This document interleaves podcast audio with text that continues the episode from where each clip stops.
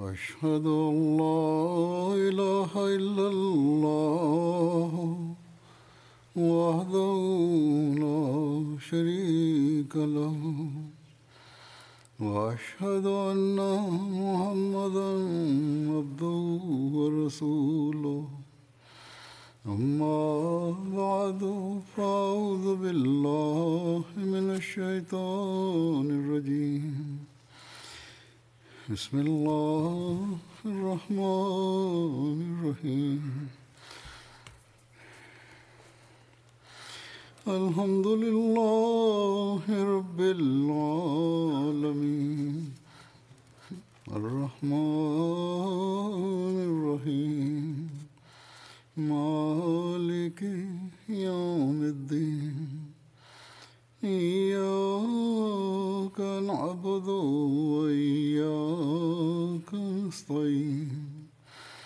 اهدنا الصراط المستقيم. صراط الذين أنعمت عليهم. غير المغضوب عليهم ولا الضالين. Saya tengah menyampaikan rangkaian topik mengenai keutamaan Al-Quran, keistimewaan Al-Quran,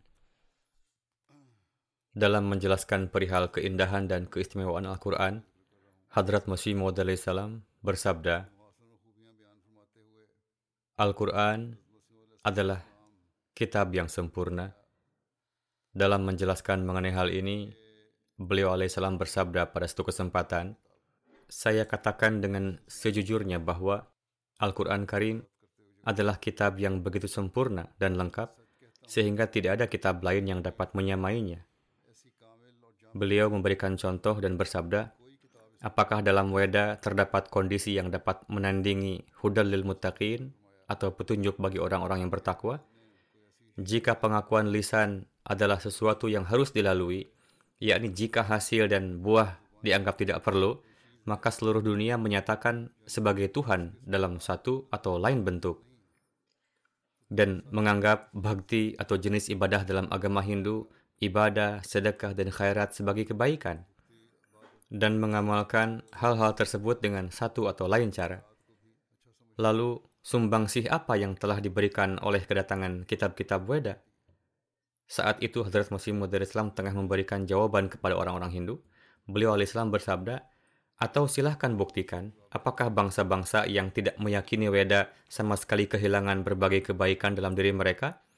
Atau silahkan beritahukan tanda yang membuatnya istimewa. Al-Quran mulai dengan menyampaikan janji berbagai kemajuan yang secara alami diharapkan oleh ruh. Sebagaimana dalam surah Al-Fatihah diberikan ajaran ihdinas siratal mustaqim dan berfirman, Berdoalah, Ya Allah, berikanlah petunjuk jalan yang lurus bagi kami. Jika diajarkan doa untuk diberikan petunjuk, artinya juga berarti bahwa aku akan melangkahkan di atas jalan yang lurus. Lalu difirmankan, jalan lurus yang merupakan jalan orang-orang yang mendapatkan nikmat dan kemuliaan darimu. Bersamaan dengan doa itu, pada permulaan surah Al-Baqarah diberikan kabar suka yakni Zalikal kitabu la raiba fihi hudal lil muttaqin. Jika dia mengajarkan doa petunjuk, dia juga mengajarkan satu pedoman untuk mencapainya. Bahwa jika kamu mengamalkan, orang-orang mutaki akan mendapatkan petunjuk. Seolah-olah ruh-ruh berdoa dan pada saat yang sama pengabulan menunjukkan pengaruhnya dan janji pengabulan doa dipenuhi dalam corak turunnya Al-Quran. Di satu sisi ada doa, dan di sisi lain ada hasilnya. Merupakan karunia dan kasih sayang Tuhan yang telah berfirman demikian. Namun, disayangkan, dunia tidak menyadarinya dan melalaikannya, dan binasa dengan menjauhinya. Kemudian, beliau alaihissalam bersabda, Saya katakan lagi bahwa Allah telah menggambarkan sifat-sifat orang bertakwa di awal Al-Quran dan telah menempatkannya dalam sifat-sifat kecil, tetapi ketika seseorang beriman kepada Al-Quran Majid dan menjadikannya sebagai pedoman hidup, maka dia akan meraih derajat dan tingkatan hidayah yang tinggi yang dimaksudkan dalam hudal lil muttaqin. Terdapat kelezatan dan kegembiraan dalam konsep pembacaan Al-Quran ini yang tidak dapat kita gambarkan dengan kata-kata, karena dengan perantaraan itu kita dapat mengetahui karunia khas Allah Ta'ala dan kesempurnaan Al-Quran Majid. Kemudian dalam menjelaskan bahwa Al-Quran, bahwa ajaran Al-Quran adalah ajaran yang sempurna, beliau alaihissalam bersabda,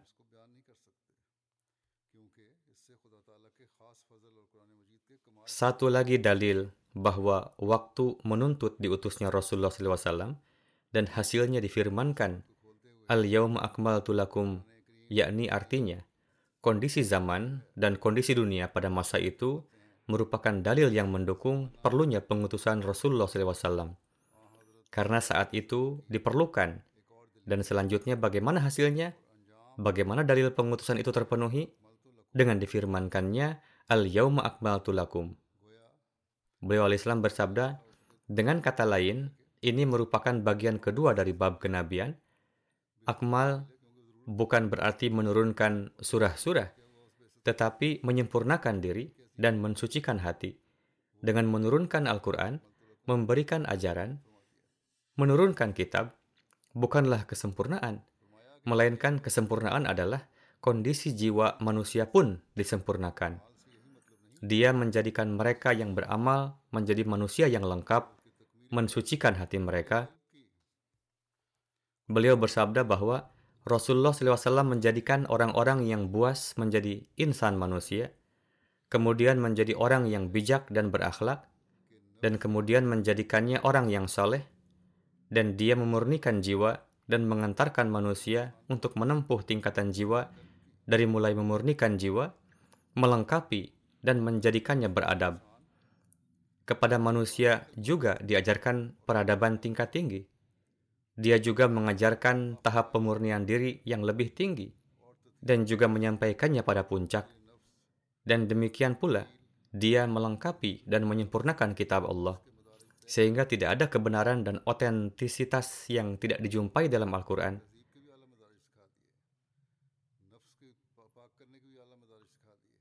saya sampaikan kepada Agnitori berulang kali. Agnitori adalah seorang pendiri organisasi keagamaan Hindu. Pertama dalam sebuah sekte, kemudian dia memulai sekte atau organisasinya sendiri. Alhasil, ia banyak berdiskusi dengan Hadrat Masih Maud salam. Beliau alaihissalam bersabda, saya berulang kali mengatakan kepadanya, yakni Agnitori, silahkan sebutkan suatu kebenaran yang tidak dijumpai di dalam Al-Quran Syarif.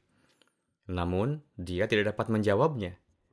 Begitu pula telah berlalu satu masa di mana saya membuka dan membaca Bible, hal-hal yang dibanggakan oleh orang-orang Kristen, segenap kebenaran itu secara konstan dan sangat lengkap dijumpai dalam Al-Quran. Tetapi Sayang sekali umat Islam tidak memperhatikan hal ini. Mereka tidak mentadaburi Al-Quran dan tidak juga hati mereka diliputi kekaguman. Padahal itu merupakan tempat menunjukkan kebanggaan karena tidak akan dijumpai tandingannya pada orang lain. Beliau bersabda, Alhasil, ayat Al-Yawma akmaltu lakum dinakum memiliki dua sisi. Pertama, telah mensucikan kalian. Kedua, telah menyempurnakan kitab, syariat sempurna telah diturunkan kepada kalian. Ketika ayat ini turun, saat itu hari Jumat, seorang Yahudi mengatakan kepada Hadrat Umar radhiyallahu anhu, hari turunnya ayat ini seharusnya dijadikan hari Id. Hari di mana turunnya ayat yang paripurna dan berpengaruh besar seperti ini seharusnya dijadikan hari Id sebagai hari kebahagiaan. Hadrat Umar menjawab, hari Jumat memang hari Id. Ayat ini turun pada hari Jumat yang notabene merupakan hari Id. Namun banyak sekali orang yang tidak menyadari Id ini. Orang-orang biasanya mengenakan pakaian yang bagus pada Id yang lain, namun tidak memberikan kekhasan pada Id yang ini. Hanya mengenakan pakaian biasa yang sudah lusuh. Beliau alaihissalam tengah menjelaskan keutamaan hari Jumat, yakni betapa pentingnya melakukan ibadah salat Jumat. Hadrat Masih Maud Islam bersabda, Menurut hemat saya, Id ini lebih afdol dari id-id yang lain, yakni pada hari Jumat pun hendaknya mendapatkan perhatian yang khas untuk dapat hadir, bukan hanya melakukan ibadah salat id setahun sekali saja. Beliau al-Islam bersabda, untuk id inilah terdapat surat Jumat, surah Jum'ah, dan untuk itu jugalah salat di Qasar, dan hari Jumat juga merupakan hari dilahirkannya Adam. Id ini mengindikasikan zaman di mana manusia pertama dilahirkan pada hari Id tersebut. Dalam menjelaskan bahwa Al-Quran merupakan hakim bagi hadis, beliau alaihissalam bersabda, satu lagi kekeliruan yang dijumpai di kalangan mayoritas muslim adalah mereka mengutamakan hadis di atas Al-Quran, padahal itu adalah keliru. Al-Quran Syarif memiliki derajat yang meyakinkan, sedangkan derajat hadis hanya dugaan. Ajaran Al-Quran Karim merupakan ajaran yang meyakinkan, namun kita tidak dapat menyatakan bahwa hadis adalah meyakinkan. Banyak sekali riwayat hadis yang dikumpulkan jauh di kemudian hari. Beliau bersabda, hadis bukanlah hakim, melainkan Al-Quranlah sebagai hakim bagi hadis. Memutuskan adalah tugas Al-Quran. Memang hadis merupakan penjelasan bagi Al-Quran, banyak sekali hadis yang memberikan penjelasan akan ayat-ayat, namun posisikanlah hadis pada tempatnya. Perlu untuk meyakini suatu hadis sejauh ia tidak bertentangan dan harus selaras dengan Al-Quran Syarif. Namun jika suatu hadis bertentangan dengan Al-Quran, maka itu bukanlah hadis, melainkan suatu ucapan yang tertolak atau mardud. Namun hadis diperlukan untuk dapat memahami Al-Quran Syarif. Bersamaan dengan itu, perlu diingat bahwa banyak sekali hadis-hadis yang memberikan kejelasan akan sebagian ayat Quran. Untuk itu adalah perlu untuk memahami riwayat-riwayat yang disampaikan oleh para sahabat suci. Namun perlu dicamkan bahwa suatu hadis janganlah bertentangan dengan Al-Quran.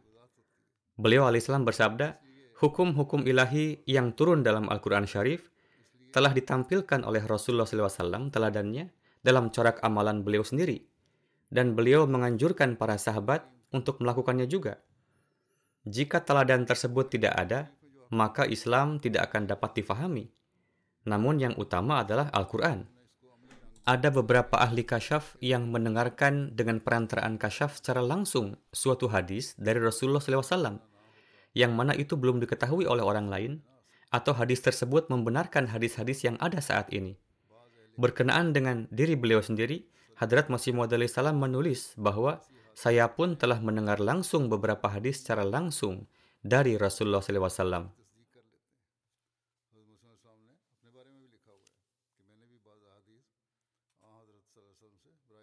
Dalam menjelaskan perihal fasahat Al-Quran, beliau al-Islam bersabda, dalam teks Al-Quran terkandung kefasihan, kesesuaian, kehalusan, kelembutan, dan kemilau yang sedemikian rupa, sehingga jika ada kritikus aktif dan penentang kuat Islam yang mahir baik dalam ejaan dan tulisan Arab, lalu hakim memerintahkan padanya dengan mengatakan, jika misalnya dalam kurun waktu 20 tahun, yakni seolah-olah jangka waktu seumur hidup, jika dalam waktu 20 tahun kamu tidak mampu menghadirkan tandingan Al-Quran dengan mengambil beberapa baris saja darinya, berkenaan dengan topik apa pun itu, lalu buatlah teks baru yang setara dengan itu, atau yang lebih baik dari teks Al-Quran, dilengkapi dengan semua detail dan faktanya, dan teksnya sedemikian fasih dan balik seperti Al-Quran.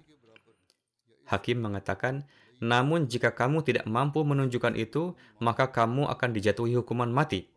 Maka meskipun diliputi kebencian yang sangat, meskipun diliputi kekhawatiran akan terhina, dan meskipun takut mati, tetap saja orang yang diperintah oleh hakim itu tidak akan mampu sama sekali untuk menampilkan tandingannya, sekalipun ratusan pakar bahasa dan sastra ditetapkan untuk membantunya.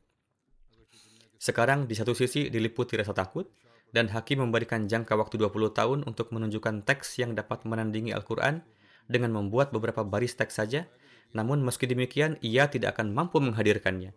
Inilah kesempurnaan Al-Quran Karim dan kefasihannya. Beliau alaihissalam bersabda, ini bukan masalah imajiner atau hipotetis, Tetapi sejak Al-Quran diturunkan, tantangan ini tersodor di hadapan dunia, yakni silahkan hadirkan. Bahkan hari ini, beberapa penentang Islam berusaha menyampaikan tandingannya.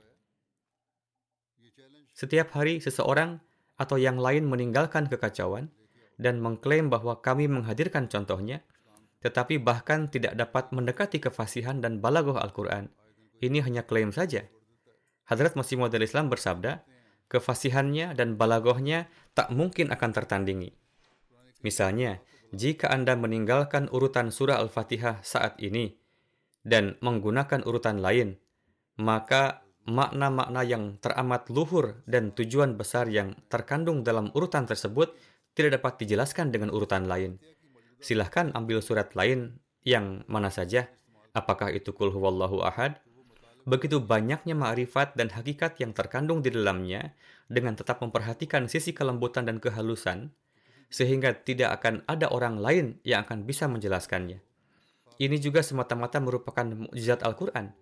Beliau al-Islam bersabda, saya terkejut ketika beberapa orang yang tidak tahu menyebut buku Makamat Hariri atau Sabah Mu'allaka, ini adalah dua buku, sebagai kitab yang tidak tertandingi mereka mengatakan bahwa buku-buku tersebut memiliki kualitas yang sangat tinggi. Tidak ada tandingannya. Dengan begitu mereka ingin menyerang dengan menuduh Al-Quran sebagai kitab yang tidak otentik. Tetapi mereka tidak mengerti bahwa, pertama, penulis buku Hariri sendiri tidak mengklaim diri bahwa buku karyanya itu tak tertandingi. Dan kedua, penulis Hariri sendiri mengakui mukjizat fasahat yang dimiliki oleh Al-Quran. Selain itu, para penentang tidak mencamkan di benak mereka kebenaran dan kejujuran, bahkan mereka meninggalkan itu semua dan hanya memandang kata-katanya saja. Alhasil, buku-buku di atas kosong dari kebenaran dan kebijaksanaan. Alhasil, yang menjadikannya memiliki keistimewaan mukjizat adalah tetap memperhatikan berbagai jenis pengamatan, tidak membiarkan fasahat dan balagat terlepas dari tangan, tidak meninggalkan kebenaran dan kebijaksanaan, Mukjizat ini hanya dimiliki oleh Al-Quran yang memiliki kefasihan, balaghah, dan kebenaran dan kebijaksanaan juga. Yang terang seperti matahari dan memiliki kekuatan yang ajaib dalam segala aspek. Lalu beliau al-Islam bersabda, dalam menanggapi mukjizat Al-Quran, dari sisi fasahat dan balaghah, suatu ketika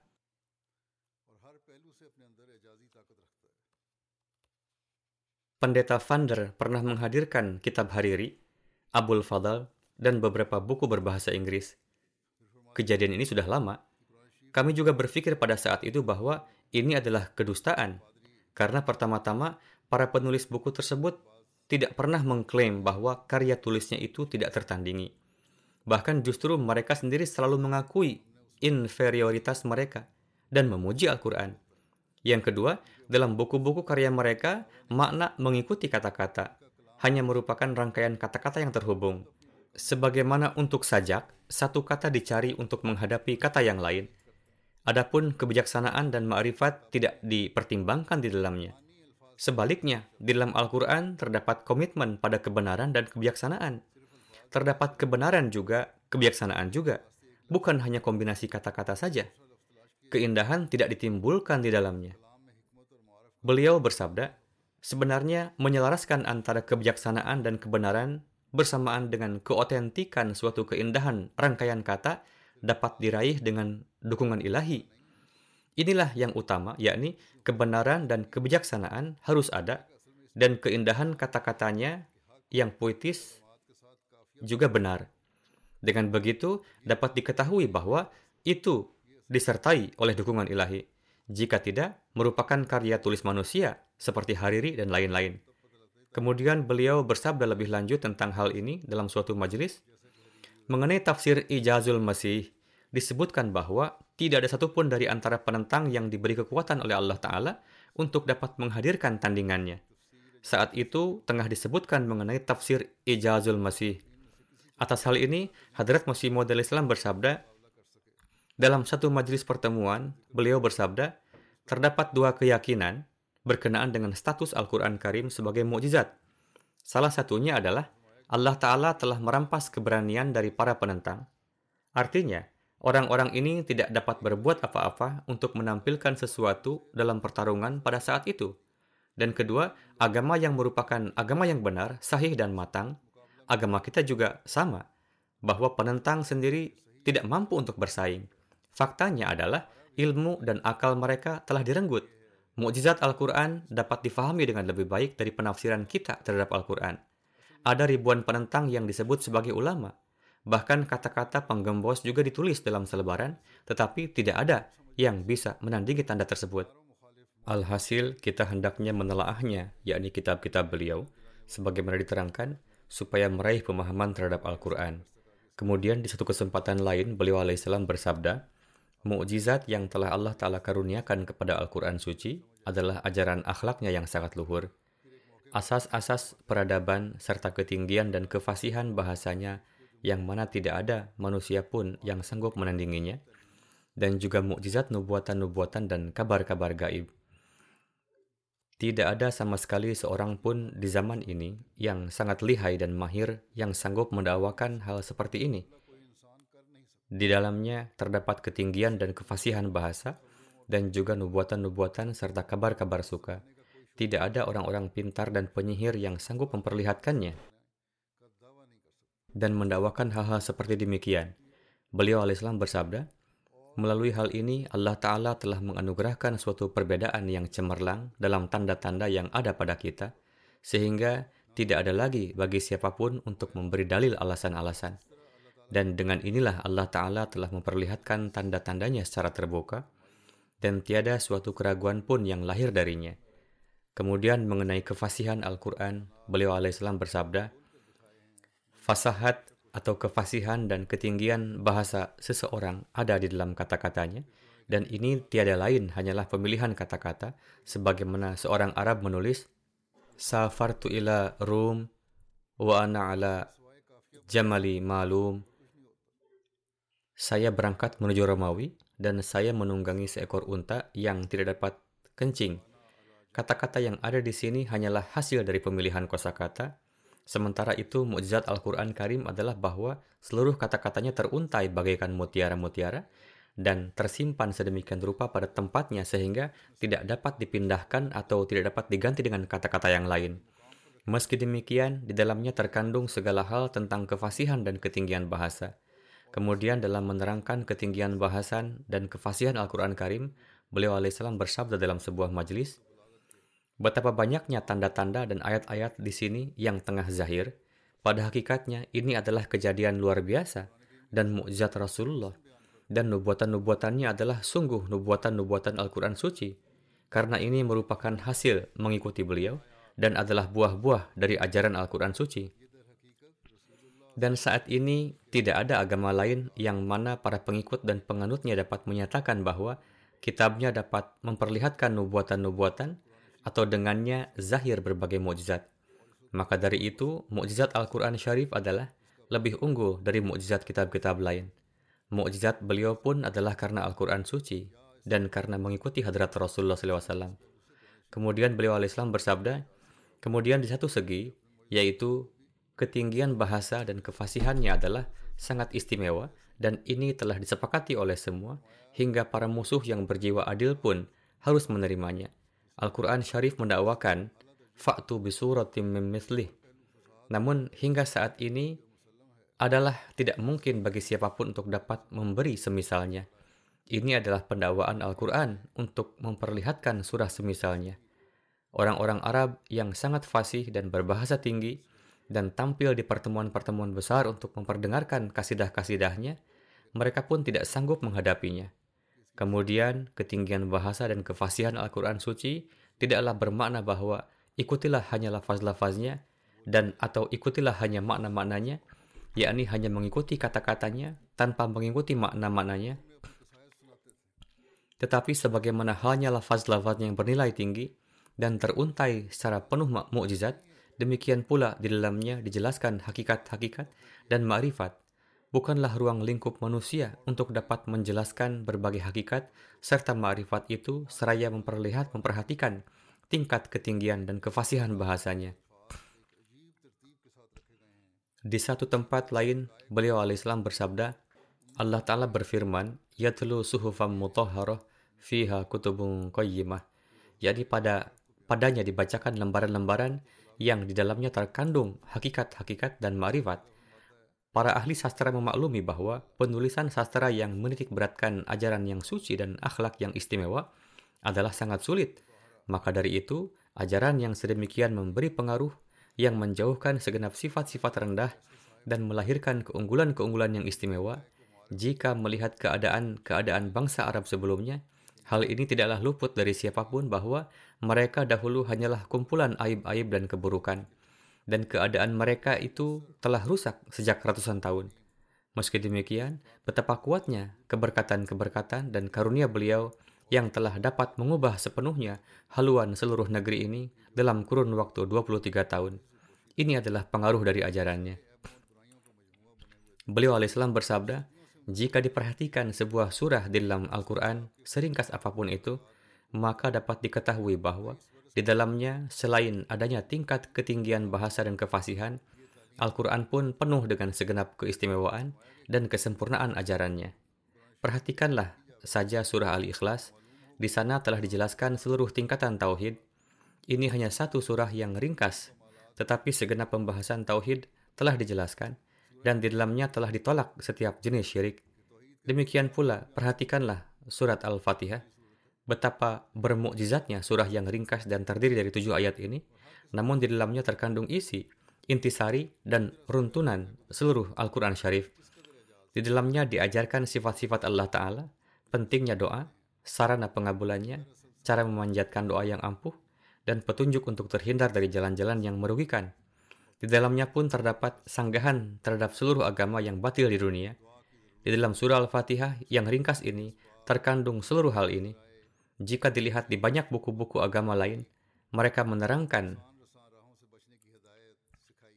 keburukan-keburukan dan kekurangan-kekurangan agama lain, serta menghina ajaran-ajaran agama lain. Mereka yang melontarkan caci makian tersebut, di antara mereka tidak ada seorang penganut agama mana pun yang dapat menyodorkan dan memperlihatkan suatu ajaran yang indah, yaitu jika seseorang ingin terhindar dari suatu keburukan, maka dirinya dapat mempersembahkan ajaran yang lebih baik dan kebanggaan ini tidak ada di agama mana pun. Kebanggaan ini hanyalah milik Al-Quran Syarif karena ia menolak agama-agama lain yang batil dan ia menyingkapkan ajaran-ajaran mereka yang keliru. Dan Al-Quran pun mempersembahkan ajaran yang murni dan hakiki. Ini adalah suatu keindahan yang mana mereka yang menana, menamakan dirinya sebagai ilmuwan masa kini pun tidak dapat menolaknya. Saya telah menyaksikan di banyak kesempatan ketika Al-Quran Syarif memperlihatkan kepada khalayak jalan keluar bagi suatu permasalahan, dan mereka pun menerimanya. Dalam menjelaskan keistimewaan-keistimewaan Al-Quran Karim, Hadrat Musi Maud Islam bersabda, Al-Quran adalah sebuah kitab suci yang dapat difahami dengan mudah. Beliau bersabda, beberapa orang yang dangkal mengatakan bahwa mereka tidak dapat memahami Al-Quran suci sehingga hendaknya jangan menaruh perhatian kepadanya. Dan ini sangat sulit ini adalah kesalahan mereka sendiri. Mereka beralasan bahwa ini sangat sulit.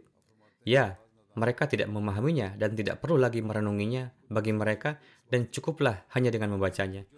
Beliau alaihissalam bersabda, Al-Quran suci menjelaskan perkara-perkara keyakinan dengan kefasihan sedemikian rupa yang tiada bandingnya dan dalil-dalilnya membekas hingga ke dalam hati. Berkenaan dengan perkara keyakinan ini, hal ini telah dijelaskan Al-Quran dengan sangat jelas. Beliau bersabda, Al-Quran ini sedemikian jelas dan fasih hingga dapat menjangkau bahkan orang-orang perdalam, Arab perdalaman yang tidak dapat membaca sekalipun. Maka kemudian mengapa mereka tidak dapat memahaminya? Orang-orang yang buta huruf itu yang tinggal di pedalaman sangat terbelakang dan bahkan lebih rendah dari manusia. Jika mereka sekalipun dapat sampai pada wujud insan yang bertuhan, jika mereka telah memahaminya, maka mengapa kalian yang sebagian besar adalah terpelajar tidak dapat memahaminya? Beliau al-Islam bersabda, pemahaman logis yang sederhana dan sejati adalah yang terdapat di dalam Al-Quran Syarif. Tidak ada kerumitan di dalamnya. Ini adalah jalan lurus yang telah Allah Ta'ala ajarkan kepada kita. Hendaknya manusia menelaah Al-Quran suci dengan perenungan. Perhatikanlah setiap perintah dan larangannya. Perhatikanlah hal-hal yang harus disampaikan atau diamalkan Lihatlah secara utuh apa yang termasuk larangan. Amalkanlah semua itu, dan seorang akan meraih keridaan Tuhanmu dengan ini. Hal ini, yakni perintah-perintah yang tampak oleh kalian dan harus diamalkan, adalah jalan yang sangat sederhana. Maka dari itu, amalkanlah. Terhadap hal-hal yang dilarang, berhentilah darinya. Dengan inilah Tuhan akan ridho. Adapun hal-hal mantik dan istilah-istilah yang telah dibuat oleh para sufi, kebanyakan hal itu menjadi batu sandungan bagi orang-orang, karena di dalamnya terdapat kepelikan-kepelikan dan kesulitan-kesulitan. Janganlah berjalan di belakang ahli mantik dan para sufi yang mana mereka telah mengadakan istilah-istilah baru dan menyodorkan Al-Quran suci dalam corak warna yang sulit, sehingga orang-orang pun menjadi terjerumus dan tidak memahami apa pun. Alhasil, jika orang-orang di dunia ini mengalami kesulitan, maka ini adalah sebab para ahli mantik, sufi, atau mereka yang mengaku dirinya sebagai ulama. Beliau al-Islam bersabda, ada seorang suci di mana saya berprasangka baik bahwa ia menulis dengan niat baik, meskipun tampaknya ucapannya tidak benar. Ia menulis, Syekh Abdul Qadir Jailani tidaklah sempurna karena dia tidak nuzul secara sempurna, hanya su'ud, yakni ia sebatas tengah naik ke atas, namun tidak ada suatu ilham dari Allah Ta'ala, dan hanya doa-doanya saja yang dikabulkan. Namun karena inilah ia memiliki banyak karomah jika beliau secara sempurna meraih nuzul, maka tidak akan muncul karomah-karomahnya. Ini yang telah dikatakannya. Beliau al-Islam bersabda, di dalam ucapan ini tampak banyak pertentangan Quraniyah. Ini adalah suatu ucapan yang jelas bertentangan dengan Al-Quran dan hadis. Pada hakikatnya, Syekh Abdul Qadir Jailani adalah termasuk di antara hamba Allah Ta'ala yang sempurna. Jika ada yang berkeberatan dengannya terkait mukjizat-mukjizatnya, maka Keberatannya ini pun akan menimpa seluruh nabi. Namun hal ini pun harus diingat bahwa mengenai beliau ada sebagian orang dan juga para pengikut beliau yang bersikap berlebihan mengenai karomah-karomah beliau dan mereka melebih-lebihkannya. Hal-hal demikian pada mereka ini adalah salah. Memang benar bahwa mukjizat itu ada, yaitu karomah-karomah yang mungkin dan ada di bawah hukum alam dan syariat. Mukjizat ini pun dialami para nabi dan juga mereka para wujud suci. Beliau al-Islam bersabda, ini adalah akibat dari mengikuti istilah-istilah keliru dari para sufi, yang mana hal itu tidak diterima oleh Al-Quran dan hadis. Kedua kelompok itu, baik mereka yang sama sekali tidak meyakini dan mereka yang meyakininya, mereka melakukannya dengan sangat berlebihan dan telah melampaui batas. Jadi mereka yang tidak meyakini, hal ini adalah karena para sufi dan mereka yang meyakini, mereka pun adalah karena penafsiran orang-orang yang salah. Maka dari itu, hendaknya senantiasa merenungi hal ini dan pertimbangkanlah secara seimbang antara segi hukum syariat dan hukum alam, serta mukjizat-mukjizat para nabi. Tidak ada yang sanggup melebihi para nabi dalam hal memperlihatkan mukjizat. Al-Quran Karim memperlihatkan wujud Tuhan yang hakiki. Mengenai ini beliau al-Islam bersabda, Puji syukur kepada Allah Ta'ala karena Al-Quran Syarif tidak memperlihatkan wujud Tuhan yang cacat dalam sifat-sifatnya. Segena seperti tidak menguasai ruh-ruh, tidak kuasa atas segenap materi, tidak sanggup memberi keselamatan, atau tidak mengabulkan doa siapa pun. Sebaliknya, menurut Al-Quran Suci adalah kita adalah hamba-hamba dari wujud Tuhan yang merupakan sang pencipta dan penguasa kita, pemberi rezeki pada kita, maha pengasih, maha penyayang, dan pemilik hari pembalasan. Bagi segenap mukmin, ini adalah hal yang patut disyukuri, karena dia telah mengaruniakan kita suatu kitab suci yang menzahirkan sifat-sifatnya yang benar. Ini adalah suatu nikmat yang sangat besar dari Allah Ta'ala. Terkait hal-hal tentang ilmu, ma'rifat, serta keistimewaan dan kedudukan Al-Quran Karim dari sisi Hadrat Masih Maud salam, insya Allah akan juga dijelaskan di kesempatan selanjutnya. Saat ini saya mengakhirinya di sini. Semoga Allah Ta'ala menurunkan taufik kepada kita untuk dapat memahami dan mengamalkan hal-hal ini dan menilawatkan serta memahami Al-Quran Syarif. Selanjutnya, karena saat ini saya pun akan menyampaikan tentang beberapa almarhum, terutama sosok syahid dari Bangladesh, di mana setelah ini saya pun akan mensalatkan jenazahnya. Berikut saya sampaikan rinciannya.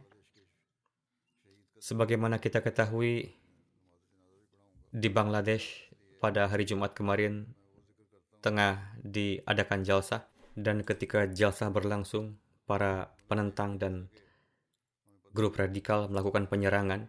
Polisi dan pemerintah setempat sebelumnya memberikan kepastian bahwa mereka akan menahannya dan tidak akan terjadi apa-apa. Untuk itu silahkan lakukan jalsah. Namun tatkala mereka semua tiba, polisi pun hanya berdiri melihat segala peristiwa yang terjadi, sehingga setelah beberapa jam berlalu, maka mereka mendapatkan perintah dari atasannya, dan barulah mereka mengambil tindakan, namun saat itu telah banyak peristiwa yang terjadi. Alhasil, dalam kekisruhan ini terdapat seorang pemuda kita yang berusia belia bernama Zahid Hasan Sahib yang disyahidkan. Beliau adalah putra Abu Bakar Siddiq Sahib Bangladesh. Inna lillahi wa inna ilaihi raji'un. Bapak Amir Nasional Bangladesh, Abdul Awal Sahib, menulis, Zahid Hasan Sahib pada tanggal 3 Maret pada kesempatan jalsah yang diadakan di Ahmad Nagar Distrik Panchgar telah disyahidkan karena serangan dari para penentang saat bertugas menjaga gerbang dan area jalsah pada usia 25 tahun. Inna lillahi wa inna ilaihi raji'un. Almarhum telah bayat pada tahun 2019. Pada tiga bulan setelahnya, beliau menyerahkan permohonan wasiatnya. Ia berasal dari keluarga golongan ahli hadis. Setelah menerima Ahmadiyah, Syahid almarhum mulai bertablik ke orang tuanya hingga keduanya pun mendapat karunia untuk bayat di tahun 2020. Setelah bayat, Syahid almarhum secara rutin menulis surat kepada saya. Peristiwa bayatnya menjadi Ahmadi adalah sebagai berikut ada seorang teman sekelasnya bernama Muhammad Rafat Hasan saat studi di Panrah University of Science di kota Bogra. Keduanya mengambil program BSc di Fakultas Sains dan Teknologi. Sahabatnya yang Ahmadi itu menabligi beliau dan setelah ditabligi selama dua tahun, tatkala kebenaran Ahmadiyah zahir dalam diri beliau, pada akhirnya Beliau pun bayat. Amir Sahib menuturkan, semenjak pembukaan jalsah salanah, dari keempat penjuru orang-orang mullah beserta para pengikutnya mulai menyerang dinding dan pintu bagian timur jalsahgah dengan persenjataan mereka. Selain melempari dengan batu, mereka pun menyerang dengan senjata daerah mereka, dengan kampak, dengan senjata api, dan lainnya dan mereka terus membakar apa pun yang dapat mereka bakar. Para khudam terus menjalankan tugas mereka dengan penuh keberanian. Secara umum, para khudam tidak dapat keluar kecuali mereka yang ditugaskan. Semua khudam saat itu berada di dalam, dan mereka terus menjaga dari dalam. Diterangkan bahwa pada waktu 2 jam kurang 15 menit setelah dimulainya jalsah, ketika mereka yang menyerang telah berhasil merusak satu bagian dinding, maka para hudam diperintahkan untuk sedapat mungkin menjaga dinding dan jalsahgah tanpa ragu sedikit pun. Pada saat itu, di pintu nomor satu, Zahid Hasan Syahid bersama sahabat-sahabatnya yang ditugaskan di sana dengan sangat cepat dan penuh keberanian keluar dari pintu dan bergerak menuju dinding jalsahgah untuk menghalau para penyerang. Di saat itulah terjadi peristiwa di mana saat mereka berhadapan, beliau pun terpisah dari sahabat-sahabatnya sehingga Para penyerang pun menyerang beliau yang sendiri. Beliau diserang dengan kampak atau suatu senjata tajam dari belakang. Mereka menyerang kepala belakang beliau dengan kapak dan beliau diseret agak jauh. Mereka membuktikan kebu kebuasan mereka dengan menyerang wajah dan bagian tubuh lainnya dengan sangat kejam dan brutal. Almarhum Syahid Zahid Hasan dibunuh dengan sangat kejam sehingga memerlukan waktu dua jam untuk mengenali beliau. Inilah kondisi umat Islam sekarang. Mereka melakukan kekejaman dan kebrutalan yang ekstrim atas nama Allah dan Rasulnya. Hadrat Rasulullah SAW telah melarang memutilasi jenazah musuh yang merupakan orang-orang kafir pada peperangan. Akan tetapi, orang-orang ini memperlakukan mereka yang menyebut nama Allah dan Rasulnya dengan cara demikian. Allah Ta'ala sendiri yang akan mencengkeram mereka dan membinasakan mereka. Diceritakan bahwa kartu panitia Beliau juga dilepaskan dari dada beliau oleh para pembunuh. Akan tetapi karena beliau mengenakan pakaian dinas khudam, maka ada yang dikenali. Ketika jenazah beliau ditemukan, setelah salat tahajud dan subuh, dilaksanakan salat jenazah untuk beliau. Ribuan Ahmadi yang datang dari seluruh negeri untuk menghadiri jalsah ikut serta di dalamnya. Pada saat salat jenazah, semua hadirin berada dalam kondisi yang belum pernah terjadi sebelumnya. Suasana di sana begitu diliputi kedukaan. Semua orang menangis di hadapan Allah Ta'ala karena merupakan aturan sehingga dilakukan autopsi pada jenazah beliau. Sore harinya jenazah almarhum dikirim ke desa asalnya dengan menggunakan ambulans, di mana beliau dimakamkan pada pukul 10 malam. Teman dekat almarhum syahid, Rafat Hasan Sahib menuturkan, saya berteman dengan almarhum semasa menempuh pendidikan di universitas. Beliau secara fitrat adalah seorang yang sangat baik, namun ketertarikan pada ibadah sangatlah kurang. Akan tetapi setelah menerima Ahmadiyah, beliau berubah drastis dan biasa melaksanakan salat berjamaah. Beliau seorang pemuda yang sangat rendah hati dan berhati lembut. Setelah lima tahun, saya tidak pernah mendengar beliau berbicara dengan nada tinggi kepada seseorang. Kebaikan fitrat almarhum juga dapat diketahui dari hal ini bahwa hanya beberapa bulan setelah bayat, beliau mendapatkan karunia untuk berwasiat. Kemudian, beliau menuturkan, yang tercinta Zahid Hasan Syahid adalah seorang anggota Khudamul Ahmadiyah yang sangat aktif. Ketika disyahidkan, almarhum berkhidmat sebagai mu'tamid, mu'tamad Khudamul Ahmadiyah wilayah Dhaka dan Barisal, juga sebagai Zaim Halka, Moti, Motijil. Kaid dan muhtamim di majelis lokal tersebut adalah Janab Zuhurul Islam Sahib. Menuturkan, beliau sangat teratur dalam tugas-tugas di majelis dan sangat taat kepada para seniornya. Beliau mengerjakan tugas dan pengkhidmatan yang diberikan dengan senang hati. Beliau selalu mendahului mengucapkan salam dan senantiasa tersenyum. Satu tahun lalu, setelah menyelesaikan BSc, beliau mulai bekerja di suatu perusahaan. Dan jika beliau pergi ke suatu daerah yang jauh dari Dhaka untuk urusan pekerjaan, sesuai dengan kesempatan, beliau biasa berkunjung ke majelis terdekat. Pada foto profil akun Facebooknya, beliau menuliskan terjemah dari ayat ini, may yatawakkal 'ala Allah fahuwa hasbuhu. Seorang mubalik Syarif Ahmad Sahib menuturkan, saya sedang bertugas di jemaat Tibariyah ketika almarhum Syahid datang bersama Rifat Hussein Sahib sebagai teman yang sedang ditabligi. Almarhum menyatakan keinginannya untuk bayat.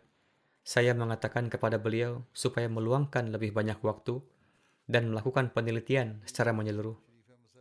Beliau mengatakan, Meskipun saya telah mengakui kebenaran jemaat ini, namun sesuai dengan nasihat Anda, saya akan bayat nanti. Lalu pada kesempatan selanjutnya, beliau bayat. Pak Mubalik menuturkan, setelah bayat, beliau mulai berusaha sepenuhnya untuk memahami Ahmadiyah dan nizam khilafat. Beliau mendapatkan pengetahuan yang mendalam.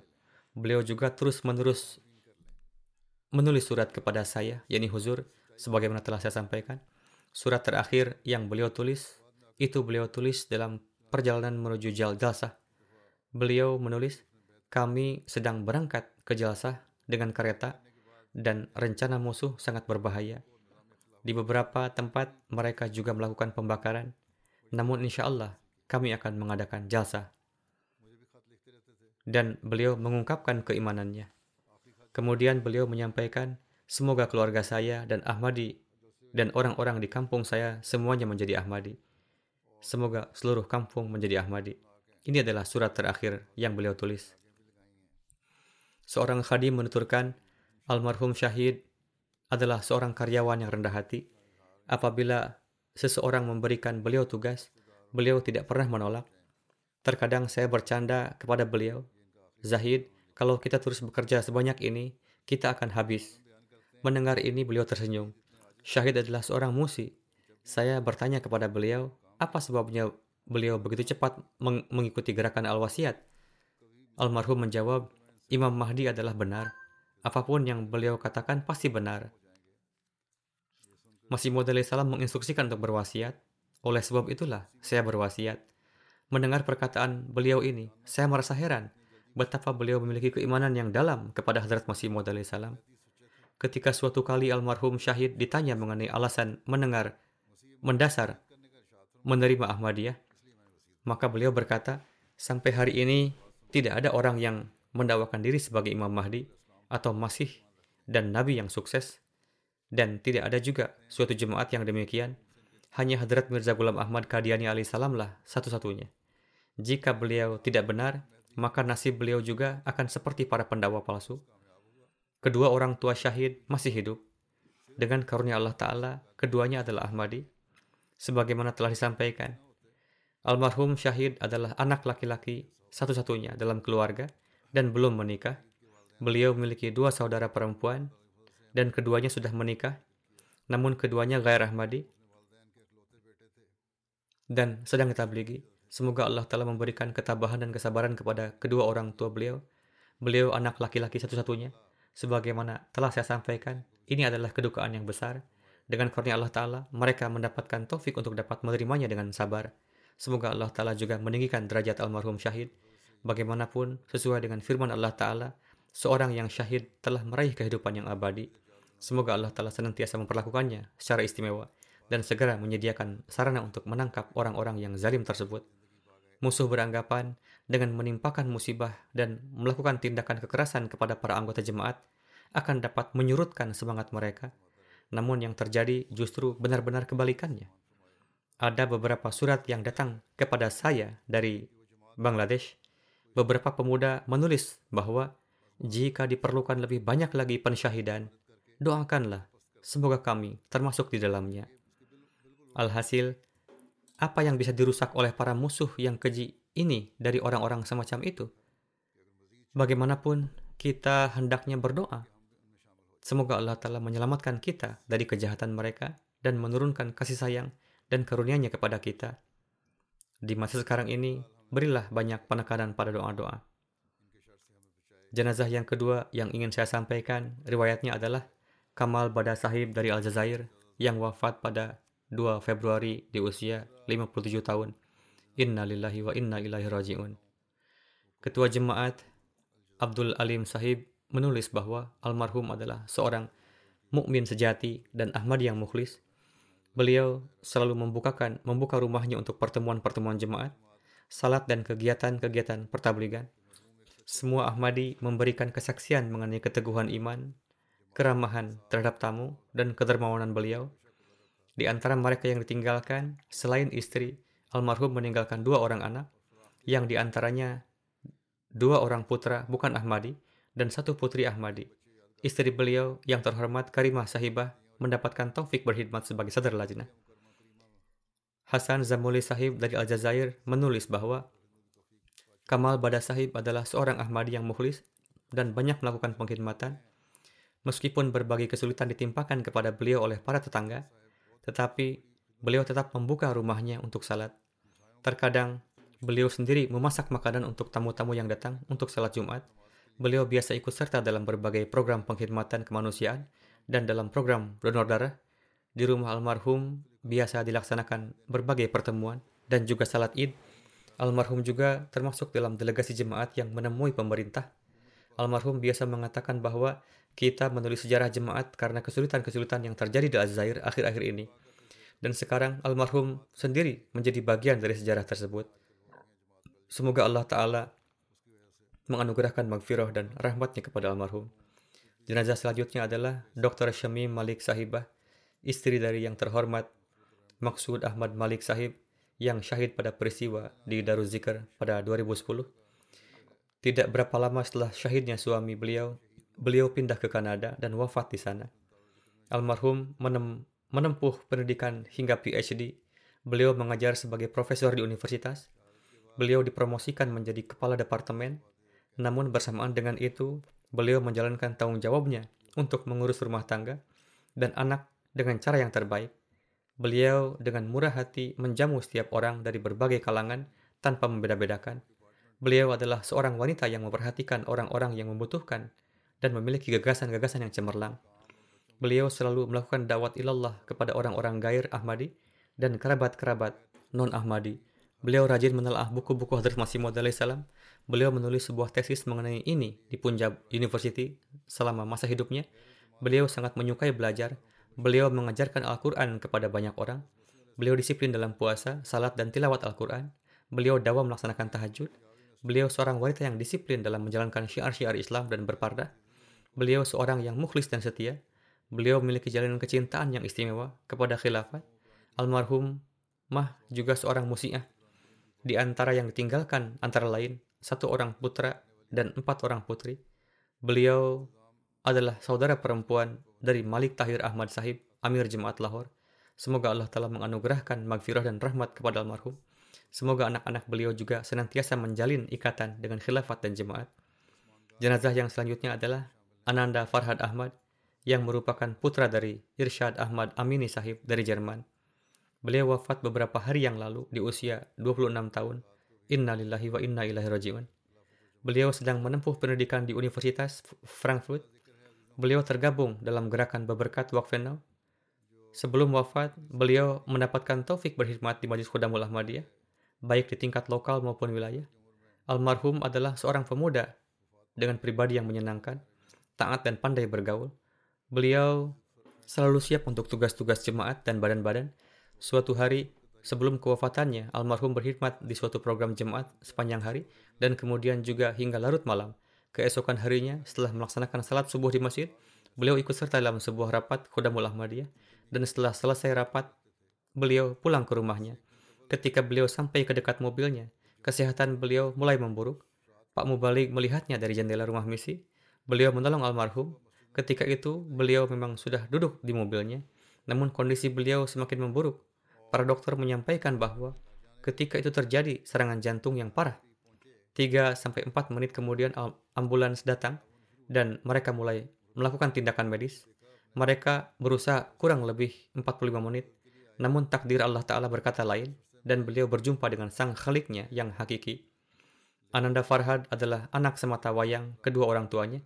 Semoga Allah telah menganugerahkan kesabaran dan ketabahan kepada kedua orang tuanya dan memberikan ampunan dan rahmatnya kepada beliau serta meninggikan derajatnya. Jenazah selanjutnya adalah Chaudhry Jawid Alhamd Bismil Sahib yang akhir-akhir ini tinggal di Kanada. Beliau wafat beberapa hari yang lalu di usia 72 tahun. Beliau sudah cukup lama sakit. Beliau mendapatkan taufik berkhidmat sebagai manajer di lahan-lahan milik Tari Jadid dalam waktu yang lama, kurang lebih 20-25 tahun Kemudian beliau juga mendapatkan taufik berkhidmat di Khudamul Ahmadiyah dan pengkhidmatan-pengkhidmatan jemaat lainnya. Beliau juga mendapatkan taufik berkhidmat sebagai Amir Distrik Umar Kot. Di antara yang tinggalkan antara lain istri beliau, empat putra dan dua putri. Putra beliau, Tahir Ahmad Sahib menuturkan, ayah saya banyak memiliki banyak keistimewaan. Beliau adalah seorang pengkhidmat agama, sosok yang mendalam, yang bermanfaat bagi orang lain, memiliki kecintaan yang mendalam kepada khilafat dan senantiasa berusaha untuk menegakkan suatu hubungan yang istimewa dengan khilafat. Beliau sangat memperhatikan orang-orang miskin. Beliau adalah seorang tuan tanah. Setiap kali beliau pergi dari sini ke Sind, beliau biasa membawa hadiah, pakaian dan sebagainya untuk para pekerja beliau dan menghadiri pernikahan mereka. Beliau sangat ramah terhadap tamu. Setiap hari tamu berdatangan ke rumah kami dan beliau dengan penuh kesederhanaan menjamu mereka. Allah Ta'ala juga menjadikan beliau seorang yang pemberani. Beliau selalu menunjukkan gairat kejemaatan ketika berhadapan dengan para penentang. Beliau mengikuti banyak perkara hukum berkaitan dengan jemaat di pengadilan dengan gagah berani. Oleh karenanya, para penentang dua kali menyerang beliau. Namun saat itu Allah Ta'ala menyelamatkan beliau. Beliau bekerja keras tanpa lelah dan senantiasa menghargai uang jemaat. Beliau sangat bertawakal kepada Allah Ta'ala. Beliau seorang yang sederhana dan keistimewaan beliau yang terbesar adalah bahwa sakit beliau yang terakhir berlangsung lama. Beliau menjalani itu dengan kesabaran dan ridho dengan kehendak Allah Ta'ala. Satu hari sebelum kewafatan, dokter yang merawat beliau mengatakan bahwa saya tidak melihat seseorang yang sedemikian sabar dalam hidup saya. Beliau tidak pernah mengeluh. Ketika diberitahukan kepada beliau bahwa dokter mengatakan tidak bisa disembuhkan, sedikit banyak beliau dalam kondisi sabar. Beliau tidak berbicara, namun mendengar. Maka dengan sangat tenang, beliau mendengarkan dan menerima hal tersebut. Putra beliau menuturkan bahwa beliau sangat senang melakukan tah tahajud dan bertasbih, dan senantiasa terlebih dahulu berdoa untuk Khalifah Wak. Beliau juga menasihatkan kami untuk berdoa. Beliau cerdas dan memiliki firasat yang tajam. Beliau seseorang yang senantiasa bersyukur. Beliau menjalani masa-masa sulit sekalipun dengan tersenyum. Beliau memiliki hati yang bersih Kemudian putra beliau menuturkan, beliau adalah guru terbaik bagi kami. Beliau seorang ayah yang penyayang dan memenuhi semua keinginan serta pemberi saran yang terbaik. Beliau memiliki kepribadian yang kuat. Dengan karunia Allah Ta'ala, anak-anak beliau juga memiliki ikatan yang baik dengan jemaat, dan saya pun memiliki jalinan yang telah berlangsung lama dengan beliau. Keistimewaan-keistimewaan yang disampaikan oleh putra-putra beliau dan yang ditulis oleh orang-orang mengenai diri beliau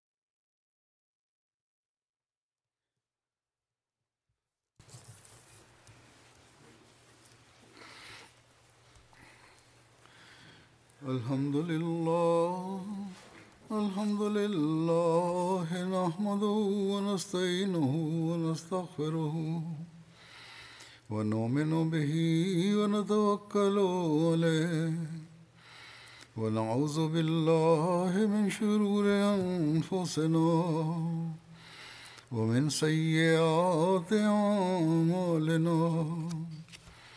من يهده الله فلا مضل له ومن يضلله فلا هادي له. ونشهد ان لا اله الا الله ونشهد ان محمدا عبده ورسوله. عباد الله رحمكم الله. إن الله يأمر بالعدل والإحسان وإيتاء ذي القربى وينهى عن الفحشاء والمنكر والبغي يعظكم لعلكم تذكرون اذكروا الله يذكركم ودوه يستجب لكم ولذكر الله أكبر.